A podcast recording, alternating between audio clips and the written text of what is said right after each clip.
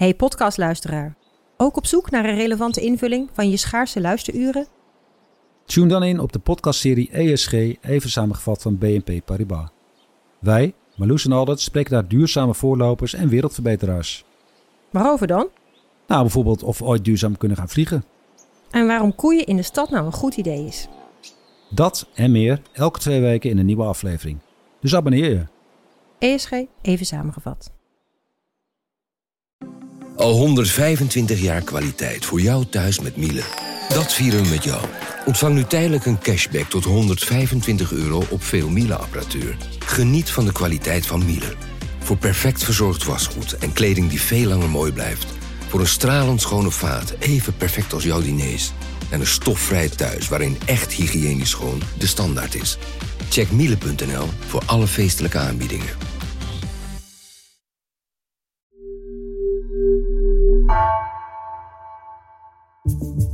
Vanaf de redactie van NRC het verhaal van vandaag. Mijn naam is Floor Boon.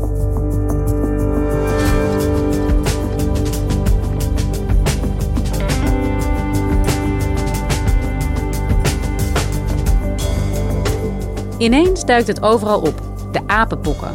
Een infectieziekte die vooral voorkomt in knaagdieren in Centraal- en West-Afrika en af en toe ook onder mensen een uitbraak veroorzaakt. Medisch redacteur Sander Voormolen legt uit wat de apenpokken zijn. Waar komt het virus vandaan? En moeten we ons zorgen maken?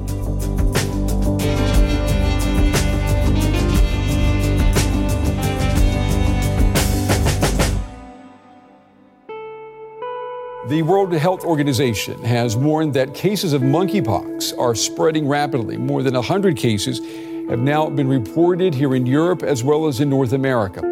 Monkeypox has now been detected in three more countries, bringing the total to 15. We willen het zo snel mogelijk opsporen en zorgen dat het zich niet verder verspreidt.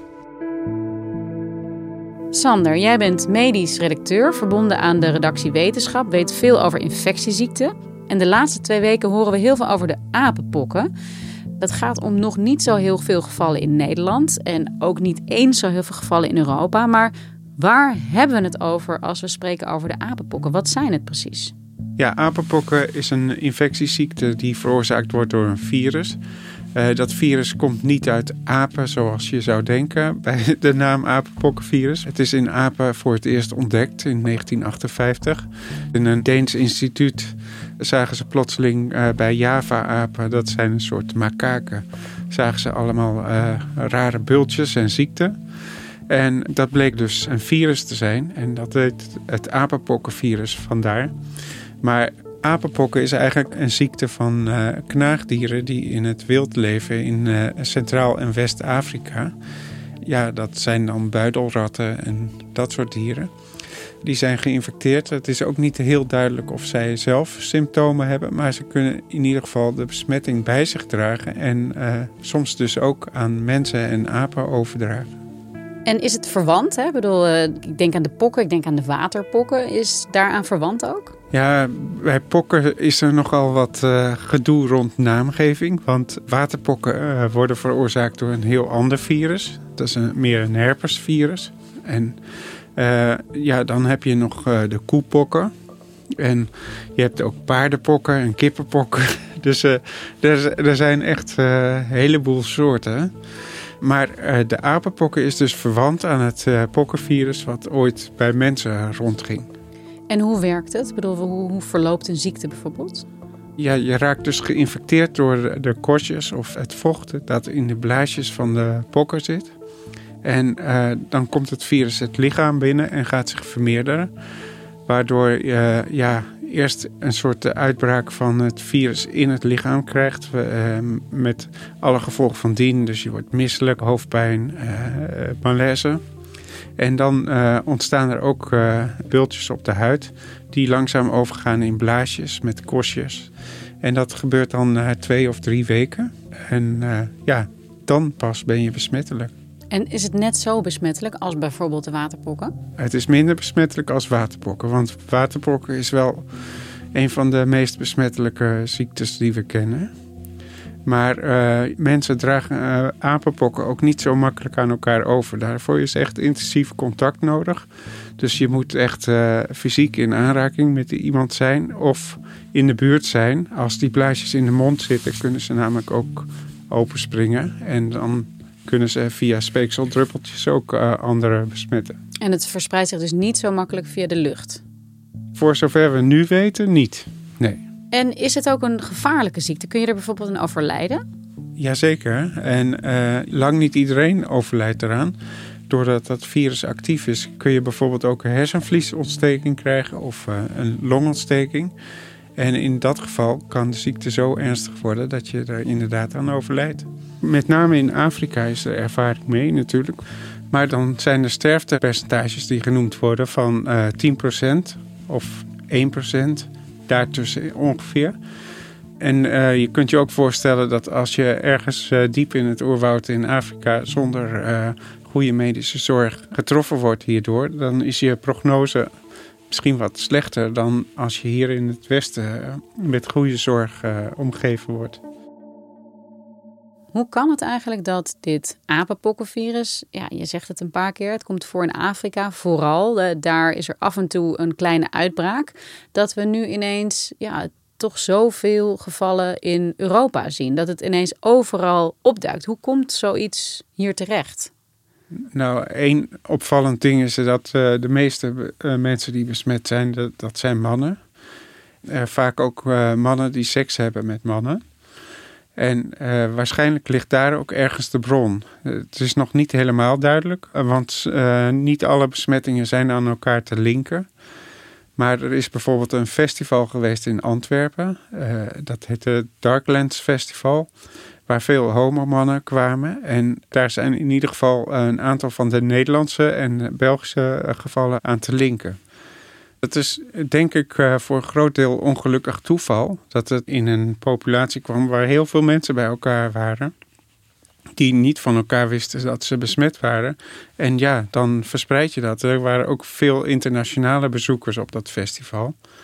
En uh, dat festival is waarschijnlijk niet de enige bron. Maar er zijn ook uh, gevallen in Spanje en Portugal die daar niet aan te linken zijn. En wat dat betreft uh, is het natuurlijk nog een beetje koffiedik kijken. Ook omdat je dus die drie weken incubatietijd hebt. Wat we nu zien zijn de eerste besmettingen. En we weten nog niet wat er gaat volgen. Ja, we hebben het over de apenpokken, maar daar zit natuurlijk het woord pokken in. En pokken is een bekende ziekte. Uh, hebben we niet meer in Nederland en niet meer in de wereld. Dus daar zijn we vanaf gekomen. Hoe is dat in der tijd gelukt? Ja, dat begint eigenlijk in uh, eind 18e eeuw. Toen ontdekte de uh, Britse arts Edward Jenner dat melkmeisjes eigenlijk immuun waren voor de pokken. En hij deed verder onderzoeken en toen bleek dat ze wel besmet raakten met koepokken. Maar dat die besmetting eigenlijk bescherming bood tegen de menselijke pokken. Toen heeft hij uh, een aantal experimenten uitgevoerd met korstjes die hij bij de melkmeisjes weghaalde. En die heeft hij uh, aan anderen gegeven. En dat lukte dus om daarmee bescherming te krijgen voor uh, menselijke pokken. En dat was de eerste vaccinatie in feite. Want daar komt ook het woord vaccin vandaan. Want het koepokkenvirus werd variola vaccinia genoemd. Dat verwijst naar het Latijn voor koe, vaca. En ja, daar komt dus ook het woord vaccinatie vandaan. Dus dat woord komt daar vandaan, het eerste vaccin komt daar vandaan. Maar hoe, hoe, hoe deden ze dat uiteindelijk? Hoe maakten ze van die eerste bevinding, hoe kwamen ze uiteindelijk ook tot een echt vaccin? Ja, dat ging vroeger dus echt uh, op die manier dat ze dan kalveren uh, schraapten. Daar maakten ze schraapwondjes en daar deden ze dan het koepokkenvirus in.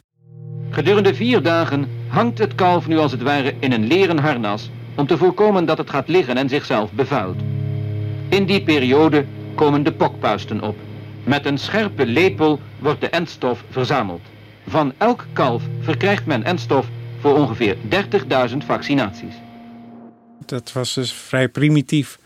Tegenwoordig hebben we een heel ander vaccin. Dat wordt gekweekt op uh, kippenembryo's.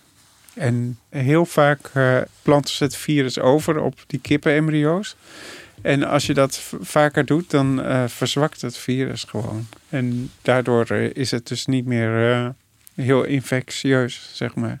Dat uh, heeft ook veel minder bijwerkingen dan het oorspronkelijke vaccin. En hoe zit het dan met die vaccinaties? Want uh, de generatie van mijn ouders bijvoorbeeld, die hebben allemaal nog van die pokken uh, prikken op hun arm. Van die ook. lelijke. Oh, jij ook nog? Ja. Ja. Ik heb op mijn linkerschouder inderdaad zo'n litteken zitten.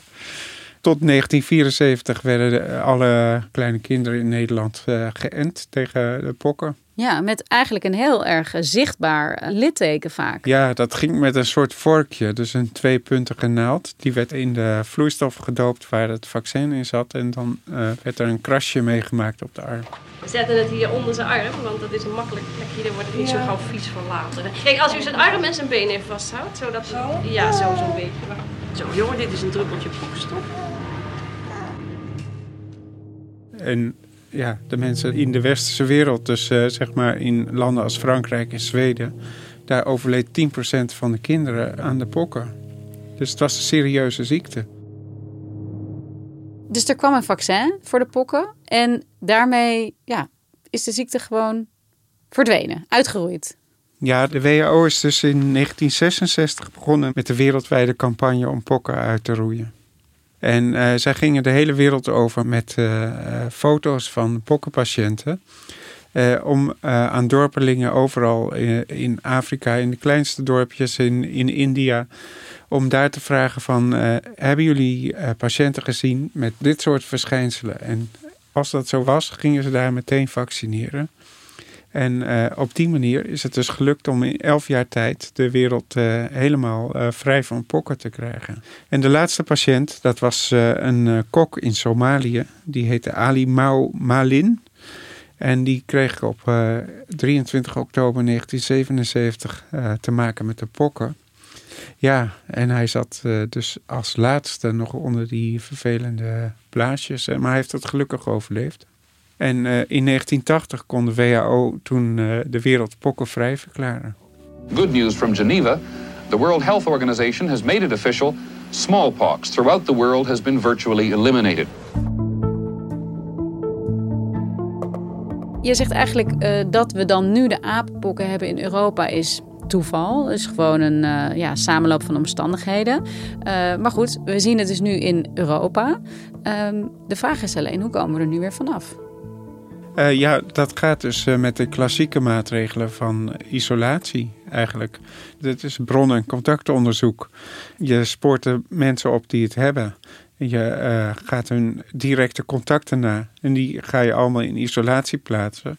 Zodat je de verdere verspreiding voorkomt. Want dat is het advies om die mensen ook drie weken in quarantaine te laten. Zodat je dus zeker weet dat zij niet de besmetting verder zullen brengen.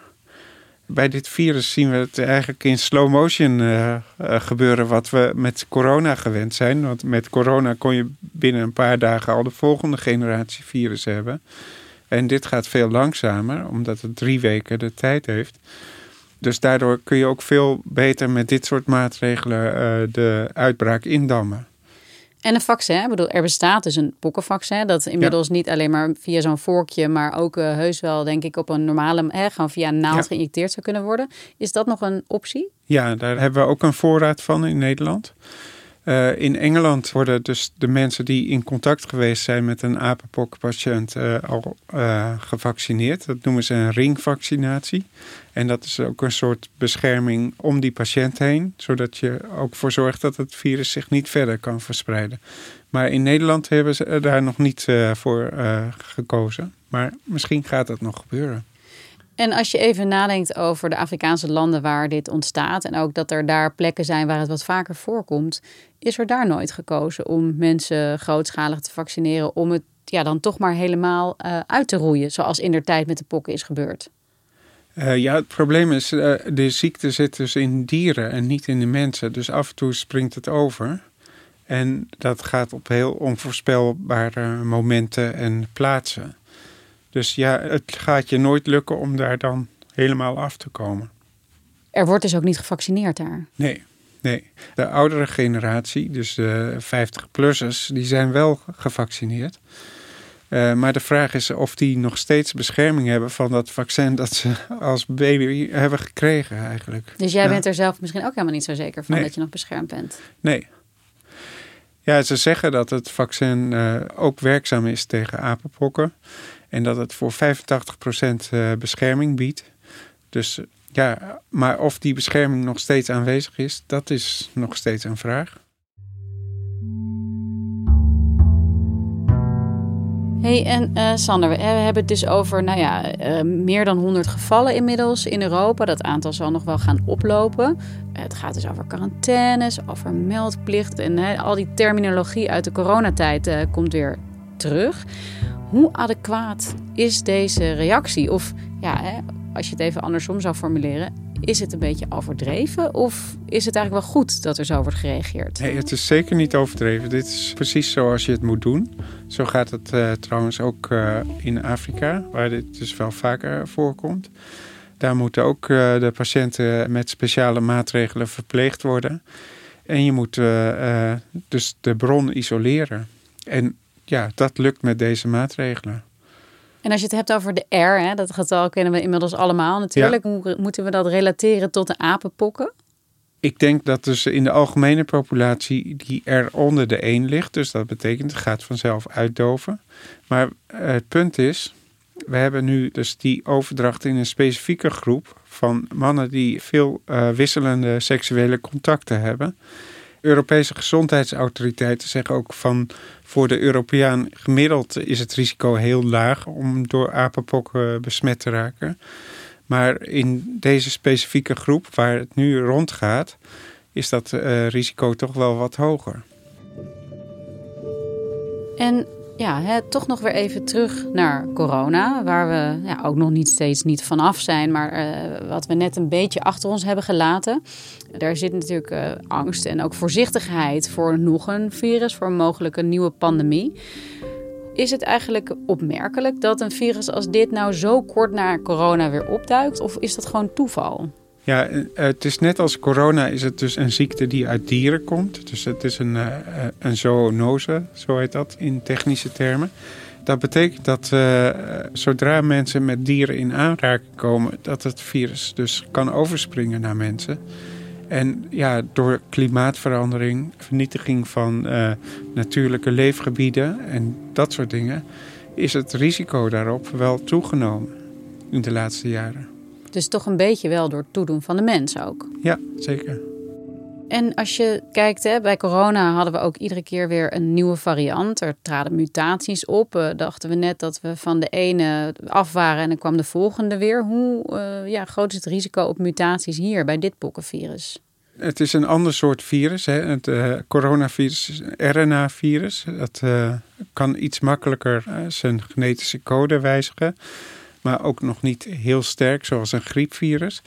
Maar een pokkenvirus doet dat dus wat langzamer. Maar het is niet uitgesloten dat dat ook gebeurt. En daar zijn alle onderzoeken nu op gericht van in hoeverre is dit virus nou anders dan alle voorgaande apenpokkenvirussen die we kennen.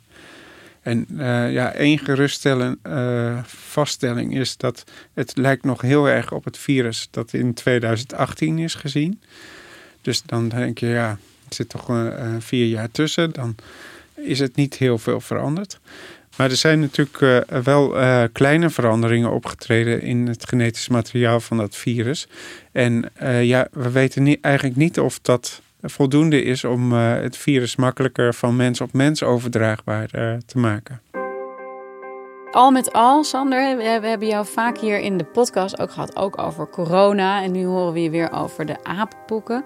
Is dit een ontwikkeling uh, ja, die zorgelijk is of, of valt het uiteindelijk allemaal wel mee? Ja, dat is een goede vraag. Uh, aan de ene kant denk ik, uh, het is goed in de hand te houden als we goede opsporing doen. En die patiënten inderdaad allemaal isoleren en hun contacten in quarantaine stoppen. Dan kan dit snel uitgedoofd zijn. Maar we weten niet of het virus ook veranderd is. En dat is nog wel een onzekere factor. Maar ik denk, uh, vooralsnog hoeven we niet heel bang te zijn dat we uh, nu een apenpokkenpandemie over de coronapandemie heen krijgen. Maar ja, je, het is wel goed om de vinger aan de pols te houden. Dankjewel, Sander. Graag gedaan.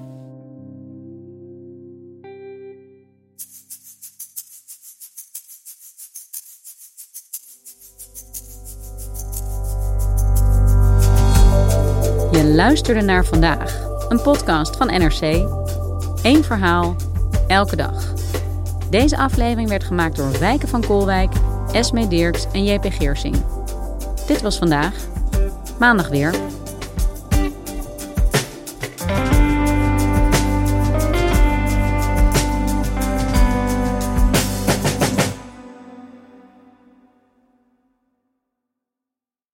Technologie lijkt tegenwoordig het antwoord op iedere uitdaging. Bij PwC zien we dit anders. Als we de potentie van technologie willen benutten, kunnen we niet zonder een menselijk perspectief. Human-led, tech-powered noemen we dat. Ga naar pwc.nl.